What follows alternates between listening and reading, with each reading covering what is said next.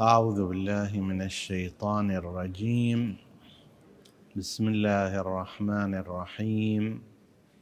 والصلاة والسلام على أشرف الأنبياء والمرسلين. سيدنا أبي القاسم المصطفى محمد.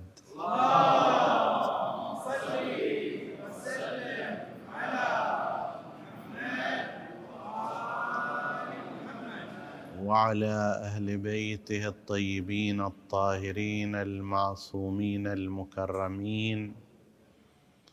السلام عليكم أيها الإخوة المؤمنون أيتها الأخوات المؤمنات ورحمة الله وبركاته.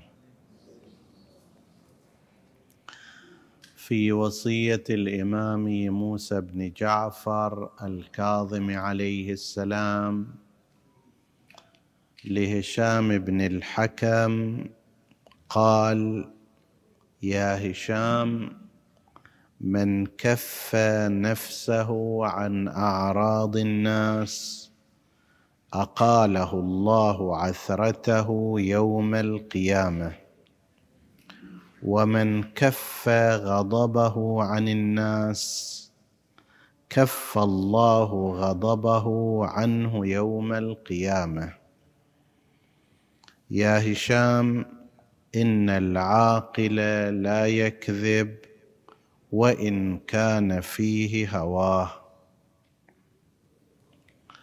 هذه فقرات أخر من وصايا الإمام الكاظم عليه السلام لهشام بن الحكم البغدادي وفيها هنا اولا الكف عن أعراض الناس وأن هذا الإنسان الذي يكف عن أعراض الناس يقيله الله سبحانه وتعالى عثراته يوم القيامة. أعراض الناس شيء وعنوان يشمل الكثير من الأمور. يشمل ما هو متعارف بين الناس يقول هذا عرضي يعني شرفي يعني زوجتي يعني بنتي. ما يرتبط بأمور النساء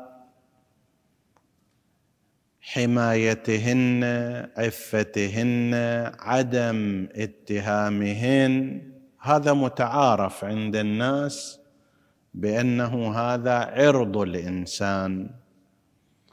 وهو يشمل هذا المعنى. في اللغة وارد أن عرض الرجل هو حسبه. أكو عندنا نسب الإنسان وأكو حسبه. حسبه يعني انتماءه الديني مثلا قد يحسب في ضمن هذا. صفاته الأخلاقية أمجاده أعماله خدماته هذه كلها لا ترتبط بالنسب وإنما ترتبط بالحسب. وكأن الإنسان إذا كان لديه هذا هذه الأمور يحسب له حساب. شخص لنفترض عالم العلم يعد من الحسب لا من النسب. إذا صار عالم سيحسب له حساب. طبيب كفاءة من الكفاءات. خادم من الخ من الخ ممن يقوم بالخدمات الاجتماعية. هذه أيضا تعطي له حسبا يحسب له حساب بمقدار ما يكتسب الإنسان من أعمال طيبة يضيف إلى نفسه قيمة فيحسب له حساب مختلف. عن حساب غيره. عرض الرجل حسبه أيضا.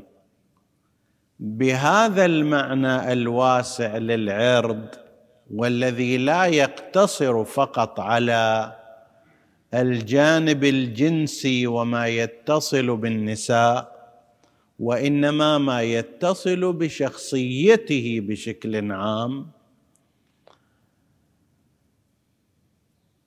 عرض الإنسان ينبغي أن يكون محفوظا أن يكف الآخرون عن اتهامه في عرضه الجنسي في عرضه الشخصي في أعماله التي يقوم بها.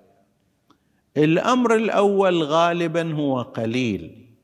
قليل أن تجد مسلم أو مؤمن يجي يتهم جاره أو صاحبه بعرضه. مثلا يعرض به أن زوجته مثلا كذا وكذا.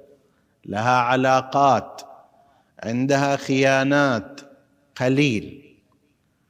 وإن كان ربما يكون في بعض الخائطين موجودا بس مو ظاهرة اجتماعية. أن يتهم مثلا أسرته بأنها أسرة بنت أخت أم كذا بتهم من هذا القبيل الغالب أن هذا شيء غير كثير. إنما الكثير عادة هو ما يرتبط بالعرض الشخصي في الشخصية إن صح التعبير. قد يسهل أن تجد إنسانا يتهم إنسانا آخر في إنفاقاته. إي هذا يدور الرياء يبحث عن الاسم. ذاك مو مخلص. هذا يريد السمعة. في أعمال الخير مثلا واحيانا تغلف بغلاف تتكلم تمدح إنسان. والله فلان آدمي منفق إيجابي عامل في المجتمع متحرك ما يهتم فقط بأموره الشخصية. فأنا شنو أقول لك؟ أقول لك المهم إخلاص النية. هذا هذا الكلام هني مو مكانه. فإنه طعن في عرضه غير مباشر. مو مكان هذا الكلام. كأنك تريد أن تشير من طرف خفي إلى أن هذا وإن كان له أعمال كثيرة إلا أنه ليس مخلصا في نيته. هذا من الطعن في العرض بالمعنى الواسع. تتكلم عن عالم من العلماء مثلا أنه كذا وكذا وكذا وإلى آخره فيجيب لك حكاية من هذا القبيل لكن خوب العلماء تدري ما لهم ما لهم خانة ما لهم مزية. هذا يساوي في قوته أن تقول ذاك اللي تتكلم عنه هو بهذا النحو. لأن غالبا الناس ما يتقبلون السب ببجاحة ولكن من الممكن أن تمشي عليهم كذا وكذا. تحدث أنه مثلا والله العائلة الفلانية عندهم تربية وعندهم ما أدري كذا وبناتهم طيبات وأهل مسجد وإلى آخره. فأنا أقول شنو؟ يا ما تحت السواهي دواهي. أنا ما قلت ذولين فيهم شيء بالصراحة ولكن هذا طعن في العرض. طيب. الكثير من الناس لا يوجهون الطعن في العرض مباشرة بأن يقول مثلا هذا اللي يشتغل في الجمعية سارق. قليل أن يقال بهذه الصراحة. ولكن يمكن أن واحد يجي يقول إيش قد فلوس تروح للجمعيات بس الله العالم وين تروح؟ هذا نفس كلام أنه هذا سارق ولكن هذا مغلف بغلاف ملفوف بلفافة وذاك لا مقشر حسب التعبير. فلينتبه الإنسان إلى ما كان من الطعن غير المباشر فإنه في قوة الطعن المباشر والوقوع فيه عادة أكثر. لأن نتيجة ذلك إذا الإنسان لا سمح الله صار طريقته هالشكل ما راضي عن أحد ابدا في هذه الدنيا بس هو وحده لا شريك له. زين؟ هو الطيب هو العامل هو المخلص هو الأمين هو المتبتل هو المتهجد هو اللي يعبد الله حق عبادته. وأما سائر الناس ليسوا كذلك. اللي يروح المسجد عنده هذا يدور رياء وسمعة. اللي ما يروح المسجد ما أدري يطلع له حكاية ثانية. اللي يشتغل في الجمعية وفي الأعمال الخيرية عنده بواق وسراق وإلى آخره. بس هو عليه السلام لا. ما ما عليه شيء ابدا.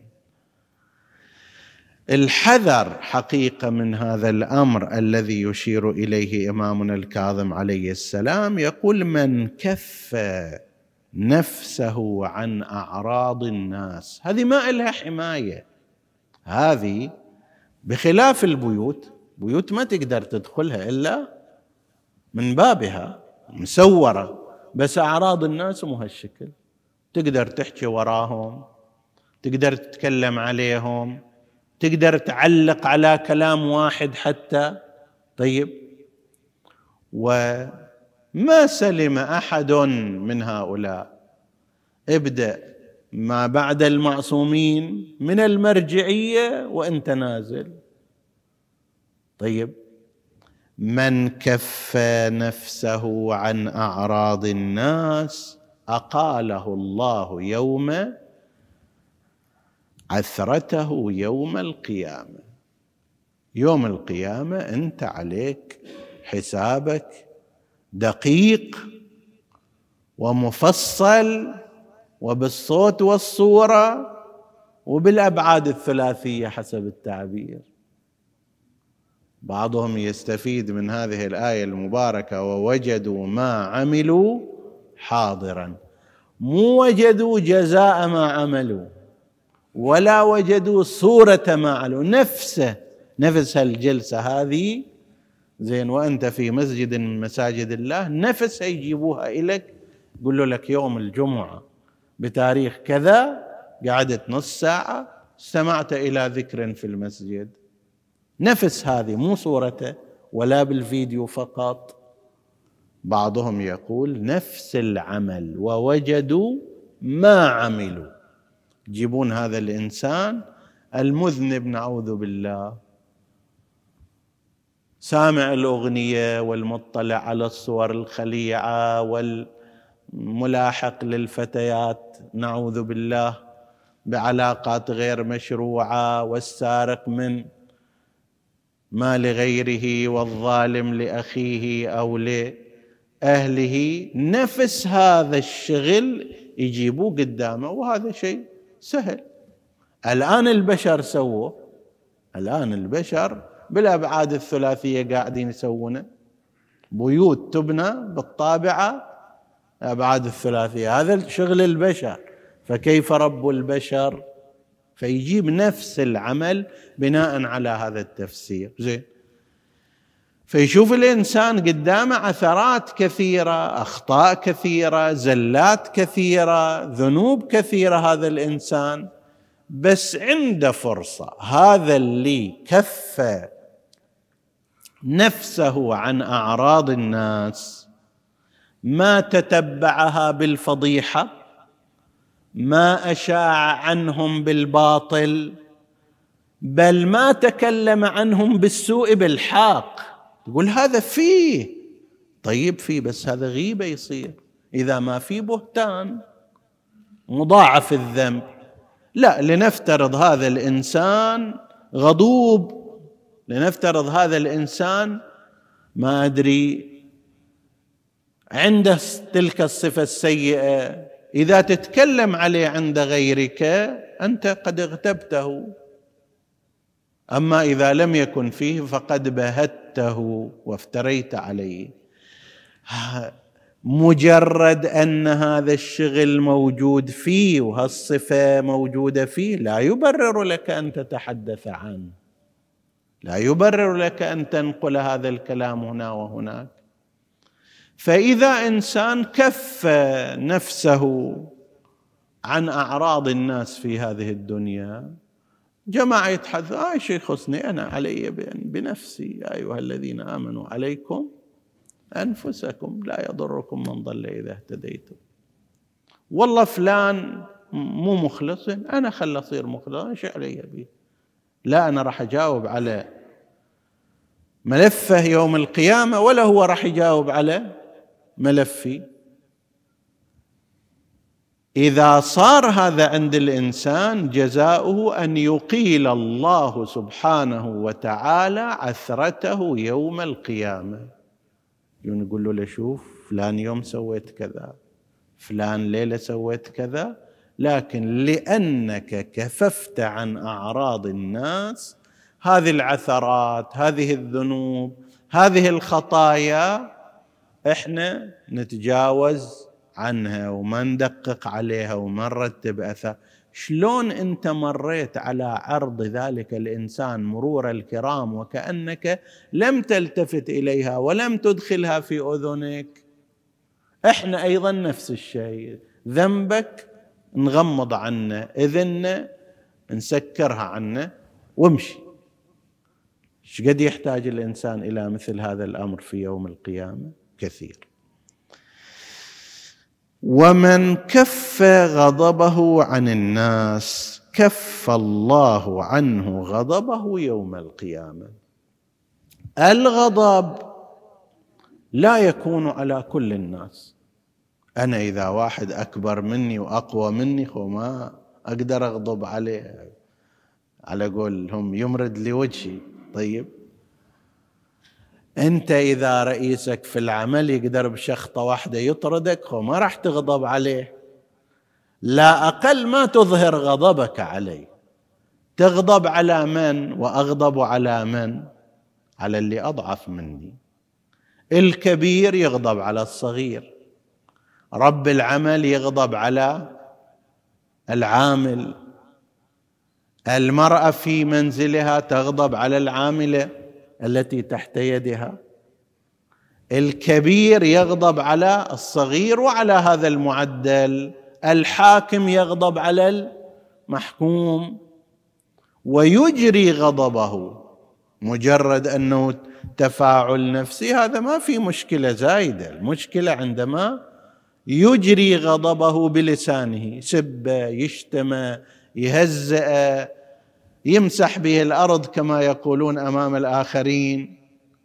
صارخ عليه. وهذه أول درجة فإذا مد يده بعد هذا الأمر. أسوأ فإذا حاربه في رزقه بفصل أو ما شابه. هذا أسوأ وأسوأ. زين.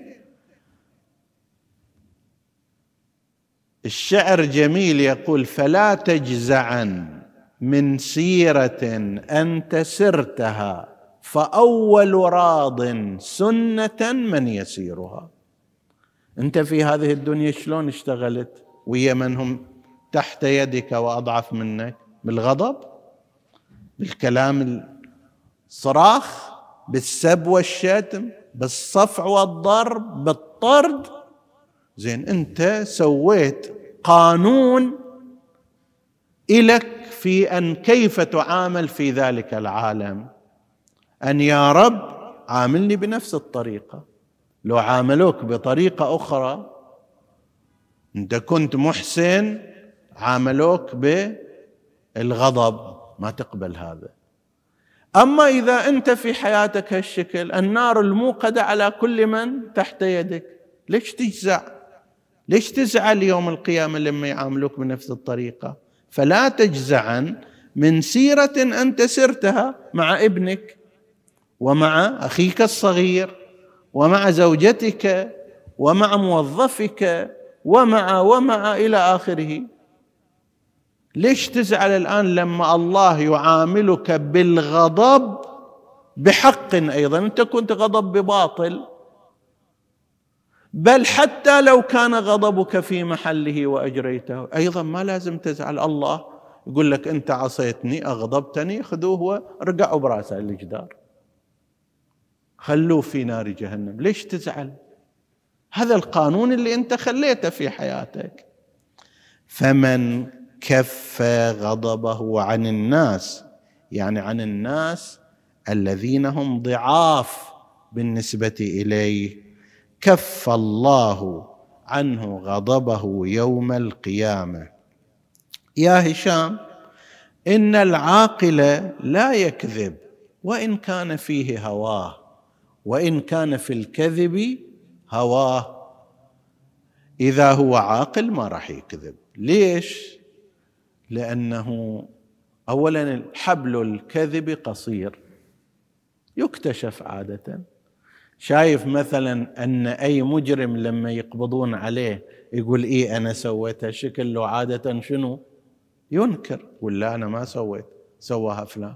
لكن ببعض القرائن ببعض التحقيقات ببعض الأمور هنا وهناك يجرها يتبين إليهم أنه هو وليس غيره.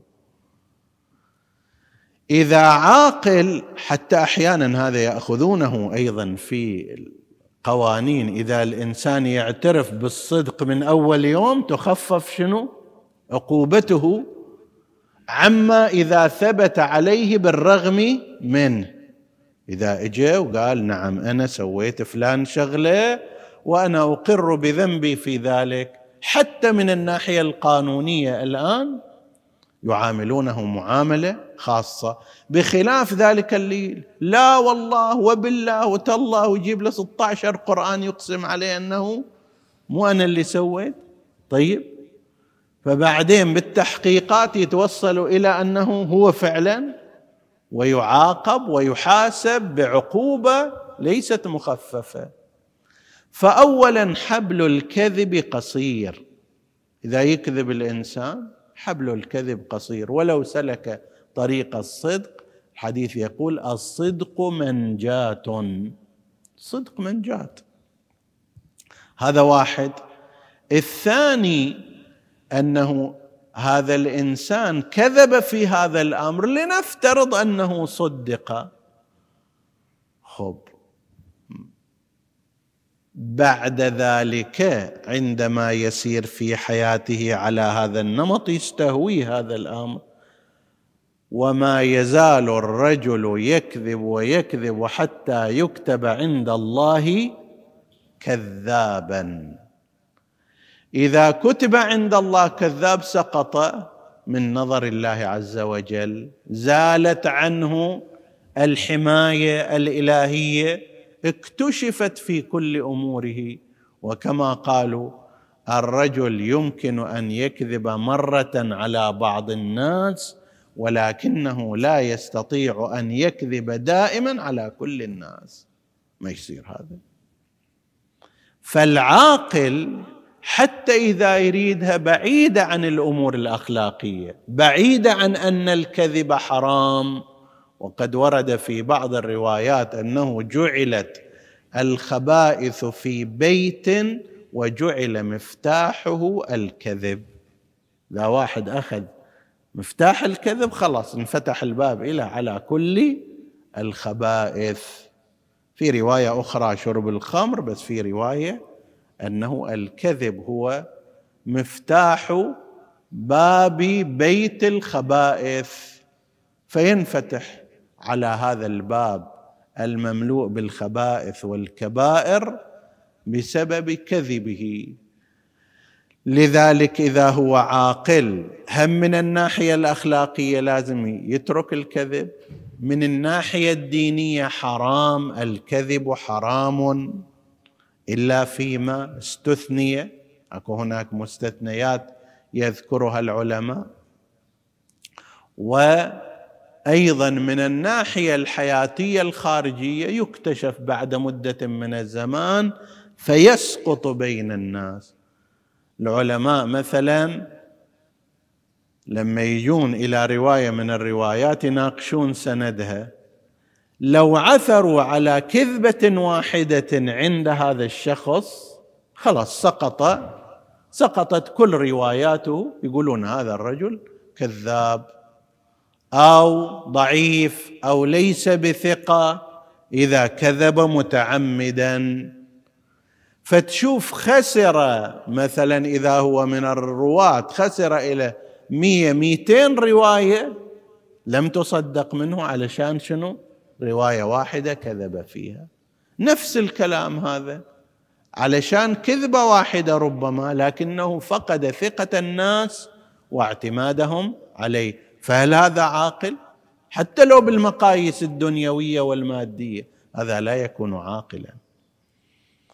نسأل الله سبحانه وتعالى أن يكفنا عن أعراض الناس وأن يكف غضبنا عمن نليهم من الناس وأن يحجبنا ويحجزنا عن الكذب ويمنحنا القدرة على الصدق في حياتنا. إنه على كل شيء قدير. وصلى الله على سيدنا محمد وآله الطاهرين.